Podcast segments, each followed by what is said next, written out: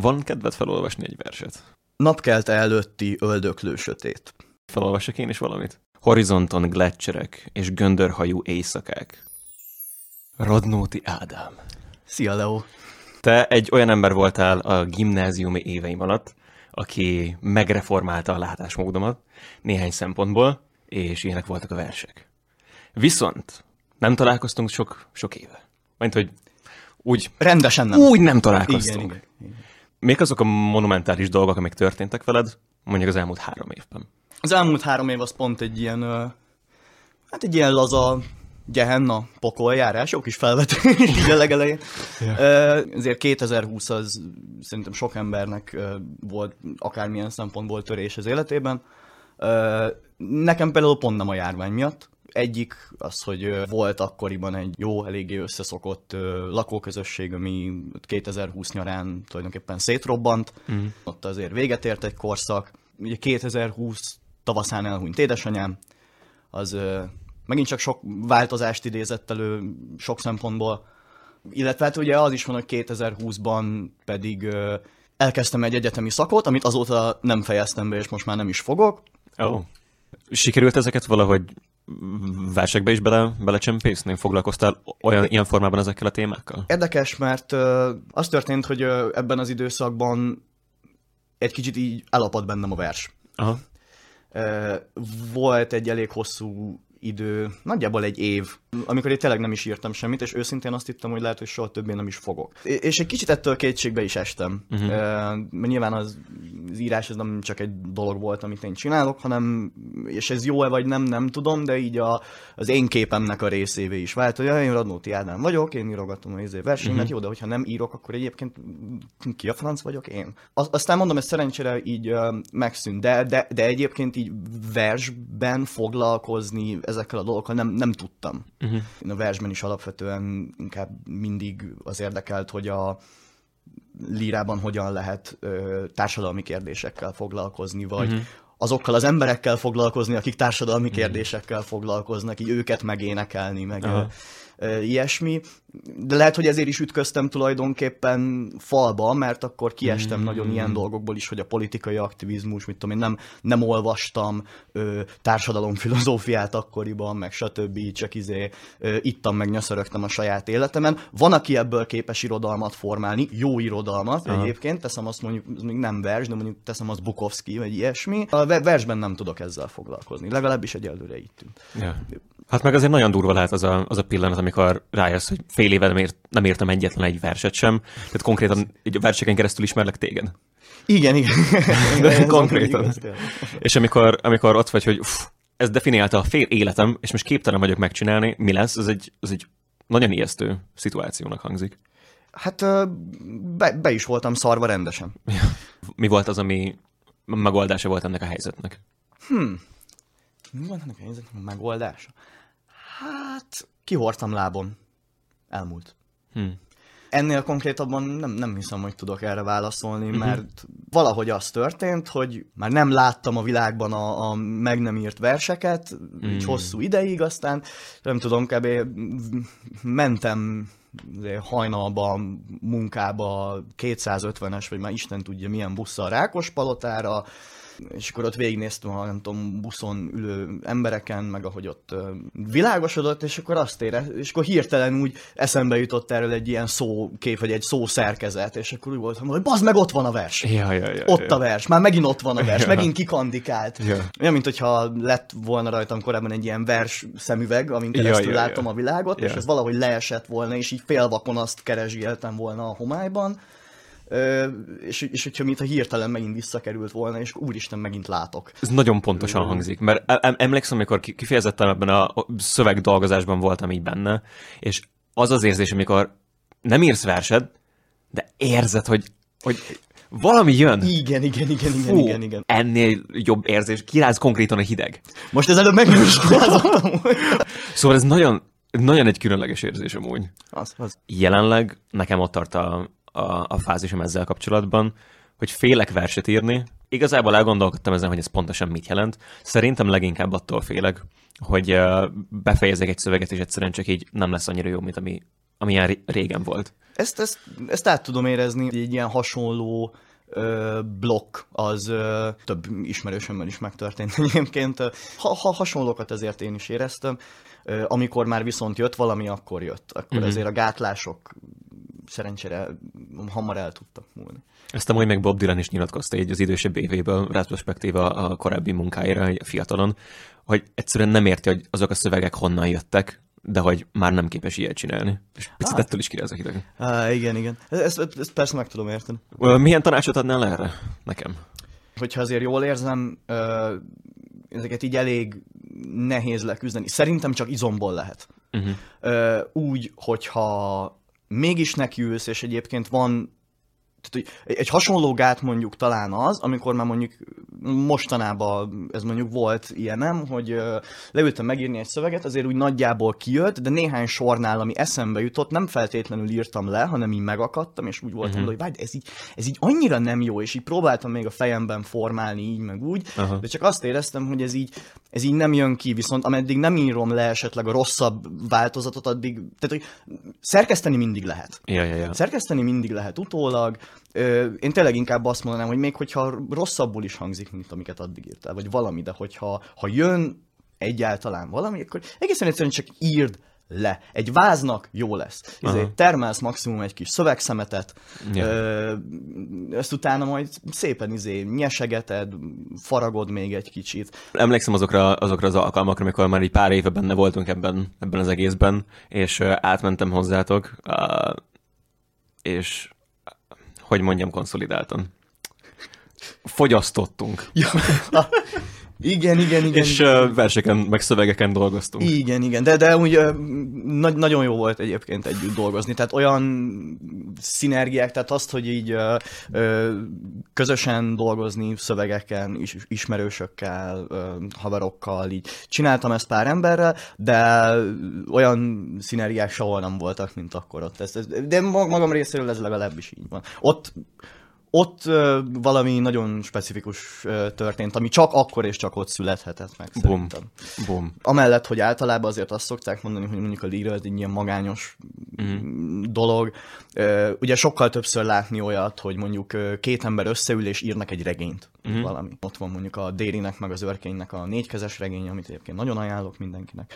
Ö, magyar irodalom egyik rejtett gyöngyszeme. De ugye olyan sokkal ritkábban látni, hogy mondjuk egy verses kötetnek van mondjuk két szerzője, vagy több, vagy ilyesmi. Ja. Picit olyan volt, mintha nem tudom, emberek zenekarban zenélnének. Aha, igen, Tök igen, volt. igen, igen. Mert hát nem tudom, mert én sose zenéltem még zenekarba, de egymásból is ki tudnak hozni az emberek olyasmit, ami a- amit egyedül nem. nem. Meg az is jó volt számomra, hogy tökre úgy éreztem, hogy te így érted, hogy én mit szeretnék, és te így érted, hogy én mit érzek kb. Mert mind a ketten abban az időben legalábbis tökre benne voltunk ebben a látomásos vers témában. Igen, igen, és igen. kevés olyan embert ismertem, aki ebben a műfajban alkotna dolgokat, és annál kevesebb embert ismertem, aki tényleg annyira jól csinálta akkor, mint te. Ilyen óriási ö- ö- ölelés volt, hogy úristen, nem vagyok egyedül. Szóval ez, ez ilyen szempontból számomra például meg itt tök meghatározó volt. Ez tök érdekes, mert én meg pont azt éreztem, hogy ö, hogy uh, itt van egy srác, aki egyébként így baromi tehetséges, és hogy uh, na, na én meg te voltál az egyik első olyan ember, akiben így azt éreztem, hogy így az egyik első olyan, akinél így azt éreztem, hogy ő érti, hogy én mit akarok a verssel. Mm. Elérni, meg megcsinálni, Ja. meg Ja. ilyesmi. Tehát ott, ott, ott, ott tényleg azért ott jól rácsatlakoztunk egymásra. Van szerintem egy ilyen félig meddig kimondatlan asszociáció azzal kapcsolatban, hogy emberek úgy gondolnak költőkre, hogy ők ilyen dekadens és önpusztító és toxikus és mentálisan instabil emberek. Mi, mi a válaszod erre? Ez érdekes. Tehát van ez a, ugye, amit felvázoltál, az kb. az elátkozott költőnek az archetípusa. Az önpusztítás, szerhasználat, különböző függőségek, meg a mentális instabilitás az, az azért, amit én láttam, abból eléggé jellemző. Hát vannak olyan sztorik, hogy ez még hétpecsétes titok fog maradni legalább 20-25 évig, amíg valaki meg nem írja valami regényben, vagy ilyesmi. És ez nagyon érdekes, hogy az ideák hogyan hatnak vissza a valóságra. Tehát, hogy létezik az elátkozott költőnek ez a toposza, meg az archetípus, ami, amivel viszont kb. bárki, aki ö, irodalomra adja a fejét, vagy elkezd írni, az előbb-utóbb találkozik. És szerintem van olyan, hogy emberek szinte ö, öntudatlanul felveszik ezt az elátkozott költő szerepet, vagy annak bizonyos aspektusait. Nem tudom, tehát hogy szerintem aki meg egyébként teljesen rendben van, az tényleg egy pár évig ezt így csinálja, aztán rájön, hogy ez, ez így baromira toxikus, és az ilyen jellegű elemeitől az irodalmi életnek eltávolítja magát, amennyire tudja, ha mit tudom én, betöltötte a 40-et, vagy 35-öt, nem, nem tudom, hogy amikor rájött, hogy ez neki nem. Viszont aki egy picit bizonyos szempontból sérülékenyebb, tehát mondjuk hajlamosabb addikcióknak a kialakítására, vagy tényleg mondjuk nem tudom, diagnosztizált vagy diagnosztizálatlan mentális problémái vannak, az viszont nagyon, nagyon meg tud csúszni, és nem egy és nem kettő ilyet láttam, egy picit én magam is ilyen vagyok, azért nem, nem azt állítom, hogy engem az irodalom vitt bele a rosszban, meg az irodalmi élet, de uh-huh. az nagyon egy olyan közeg volt, ahol ami, hogy mondjam, az egy olyan közeg volt, ami teret engedett ennek. Ez egyébként segít abban, hogy tényleg jobb verseket tudj mondjuk írni? Nem. Nem. Sőt, egy idő után akadályoz. Revidáljuk egy kicsit. Ö, mondjuk bizonyos tudatmódosítószereknek az alkalmi használata, az ö, fel tud szerintem szabadítani kreatív energiákat, meg le tud rombolni olyan belső gátakat, uh-huh. amik ö, akadályoznak ö, abban, hogy kiteljesedj, segíthet ö, tényleg könnyebben felszínre hozni olyan dolgokat, amik egyébként, le, amiket lehet, hogy nehezebb lenne kibányászni uh-huh. az embernek a lelkéből, meg ilyesmi, akinek mondjuk tényleg semmi affinitása nincsen a lírához, meg nem, nem a nyelvben él ezen a szinten, az fogyaszthat akármit és akármennyit, abból nem lesz szöveg úgyse. Yeah. Aki meg egyébként igen, az simán lehetséges, hogy ö, ilyesmik nélkül is ki tudja magából hozni a dolgot. De nyilván ott van az a perspektíva, és azért mondom, hogy ez nagyon egyéni, hogy mondjuk ö, lehet, hogy valaki, ilyet is hallottam már egyébként,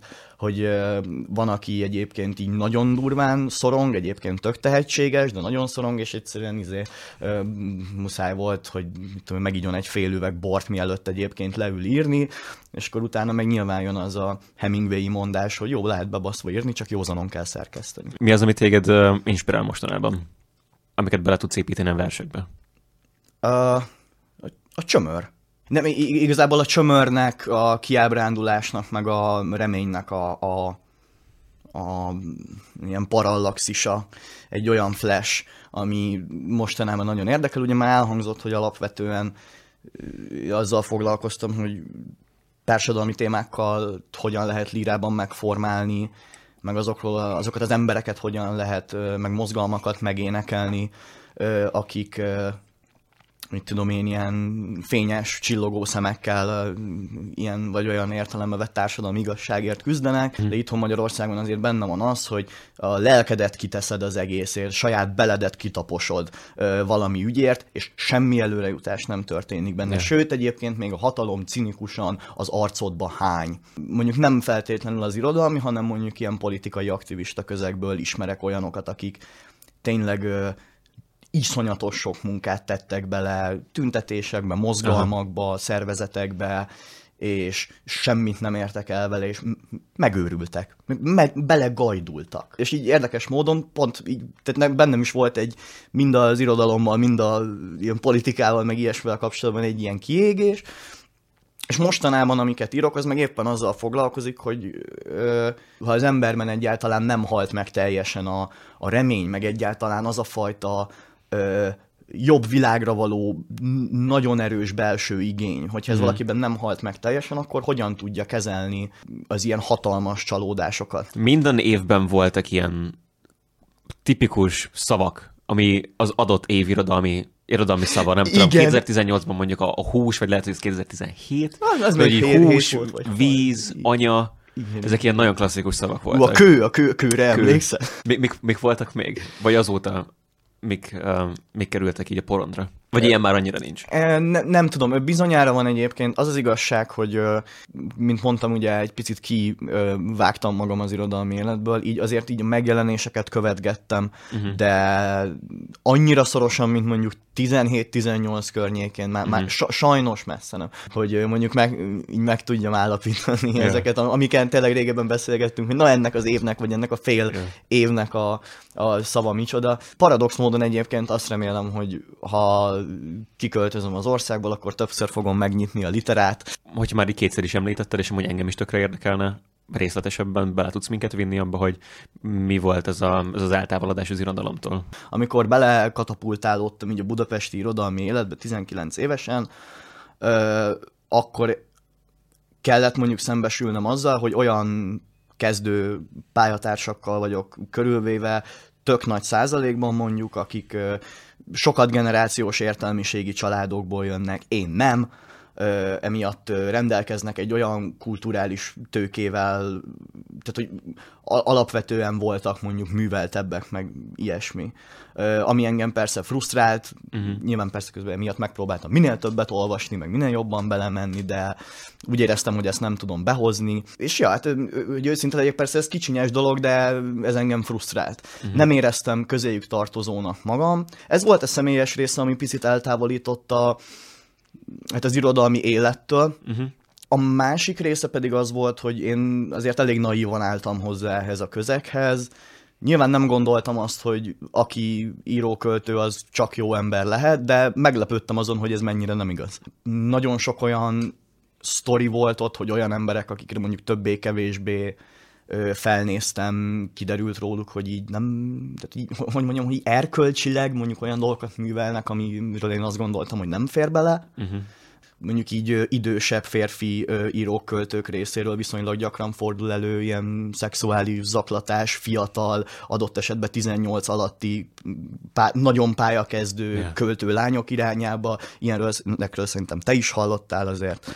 A- ami viszont egy ilyen konkrét élmény, és nekem végleg betette a kaput, Uh, nyilván már akkor gyülem lett ez a sok frusztrációm az irodalmi élettel kapcsolatban, az az volt, amikor kiderült, és már bizonyítékok voltak rá, láttam az e-maileket, uh-huh. hogy az elnökség szétlopta a József Attila kört. Amúgy erről akartam is beszélni. Uff, yeah. Az nagyon-nagyon megcsinált.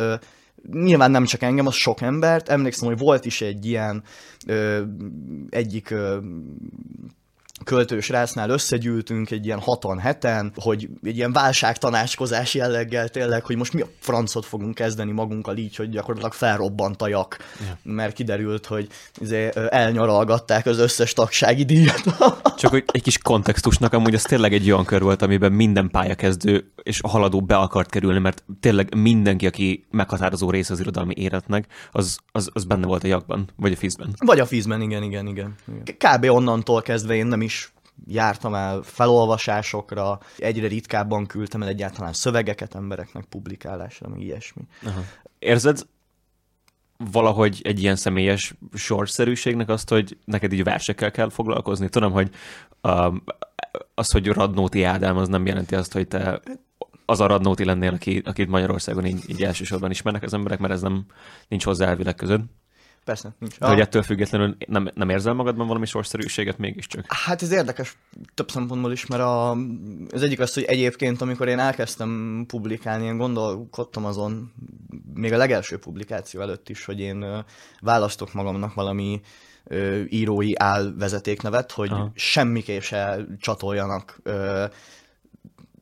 érted, tehát, hogy egy azért a magyar irodalomnak egy ilyen örökös csillagáról beszélünk. Yeah. Aztán persze az álnév nem jött be, most már saját néven publikálok, teljesen mindegy. A sorszerűség az olyan szempontból érdekes, hogy igazából én csak mindig írtam. Tehát onnantól kezdve, hogy icipicit is tudtam írni, olvasni, próbáltam verseket farigcsálni, hat mm-hmm. éves koromtól kezdve. Pont nemrég találtam meg otthon, egy ilyen, tényleg egy ilyen kis, ö, izé, ilyen kis kék vonalas ö, füzetemet még tényleg ilyen 6-7 éves koromból, amikben ilyen kis ákombákon betűkkel írt ilyen ö, kettő meg négy soros kis, nagyon bugyuta versikék yeah. vannak. Valahogy azt éreztem, hogy én, én ezt csak így csinálom, és hogy valahogy ez hozzám tartozik. Miközben ezt mesélted, hogy így nagyon fiatalon már írogattál dolgokat, egy, egy emlék az így, az így megcsapott. Emlékszem, hogy én is ilyen nagyon-nagyon fiatal voltam, láttam kb. 7 éves, vagy 8, vagy valami ilyesmi, és emlékszem, hogy egyszer anyukámnak írtam valami olyasmit, susuban volt valami feladat, amit kaptunk, és írtam neki egy ilyen egy-két soros valamit, és emlékszem, hogy kb. az volt, hogy nekem te vagy a víz, ami az élethez kell, és hogy így emberek még nem is nagyon tudtak írogatni, én meg mert hogy konkrétan fizikailag nem tudtak igen, leírni igen. egy kurva szót se, és emlékszem, hogy anyukám, amikor ezt megkapta tőlem, akkor nagyon megdicsért, és így ki volt, hogy hát ez a gyerek. Ez, és uh, most így emlékszem, hogy ez jól esett, jól esett, hogy uh, értékelve voltam. Említetted, hogy kiköltözöl. Uh, igazából az is lehet, hogy kettő nap múlva. Németországban az is lehet, hogy egy hét múlva ez technikai részlet? Hamarosan, igen, hamarosan. hamarosan. Um, arról meg amúgy nem beszéltünk, hogy, hogy kb. vágom, hogy miért, de hogy így miért. Röviden tömören azért, mert annyira összekuszáltam az itthoni életemet, hogy egy ilyen gordiuszi csomó lett belőle, amit nyilván nem fogok tudni kibogozni, és azt éreztem, hogy ezt már tényleg csak ilyen nagy sándori módon átvágni lehet, uh-huh. és tulajdonképpen felkínálta magát ez a lehetőség édesapám által, hogy csatlakozzak hozzá a németországi kelet-európai bevándorló ö, létben, és én kaptam az alkalmam, mert azt éreztem, hogy most lett a kezembe adva a kard, amivel átvágom ezt a Gordiuszi csomót. Ami persze, nyilván az eredeti sztorinak is ez a lényege, hogy ez nem egy elegáns megoldás, de uh-huh. megoldás. Uh-huh. Fú, uh, milyen érzések vannak benned? Igazából minél jobban közeledik, annál szürreálisabb, annál nehezebben fogom fel azért nagyon furcsa belegondolni például abba, hogy most jó ideig nem tudom, utoljára taposom a, a Móricz ö, köveit, yeah. Móricz Zsigmond körtér köveit, meg hogy ö, jó ideig utoljára fogok látni számomra nagyon kedves embereket. Uh-huh. Ö, e, először lesz életemben olyan gyakorlatilag, hogy ö, hogyha rám jön az, hogy de jó lenne a társasággal lemenni, akkor ez nem egy telefonhívásba kerül meg egy 40 perces útba maximum, hanem mondjuk fél évre előre kell tervezni, hogy izé tudjunk találkozni, vagy ilyesmi. Ez vannak emberek, akik úgy egészen könnyen kezelik, szerintem engem egy picit meg fog viselni. Uh-huh. Az, hogy el leszek szakítva a szülőföldemtől, mert bár nem vagyok nacionalista, ezért elég gyengéd érzelmekkel vagy elég gyengéd érzelmeket táplálok tényleg a, hát az otthonom felé tulajdonképpen, ami ja. ez az idióta ország. De az is biztos, hogy ott meg mivel minden új lesz szó szerint, és én nagyon szeretem, hogyha új dolgokkal vagyok körülvéve, amit fel lehet fedezni, ezért úgy valószínűleg e- el is leszek úgy nagyon. Tehát, hogy ja, ja, ja. Ö, tényleg ilyen na- nagyon ellentétes érzések vannak benne nyilván. Na- nagyon ambivalens. Nagyon ambivalens. Hú, kemény, kemény. Uh, nem is tudom, hogy ilyen helyzetekben amúgy mit kell mondani konkrétan még nincs. Jó utat! Ezzel most kisegítettél amúgy. Hát jó utat, Ádám, jó, jó utat. Van kedved felolvasni egy verset?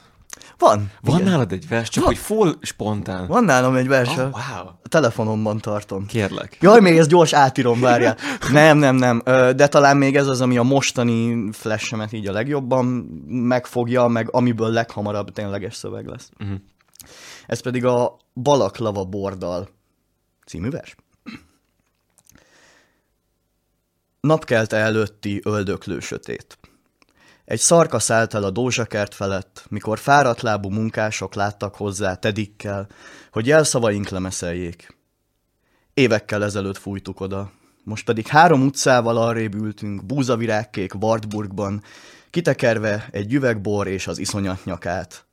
A vén Wartburgban, amelyikkel járvány idején az erdőt jártuk és benne aludtunk város szélén, a kiárási tilalom éjszakáin. Kárpitja látott sportcipőket, piros bakancsot, felemás zoknit, klumpát és mesztelen lábat. Motorja bírregésére kántáltuk jelszavaink. Átkot és áldást, jelszavaink. Üvöltöttük, leírtuk, lemásoltuk, osztogattuk, zsolozsmáztuk.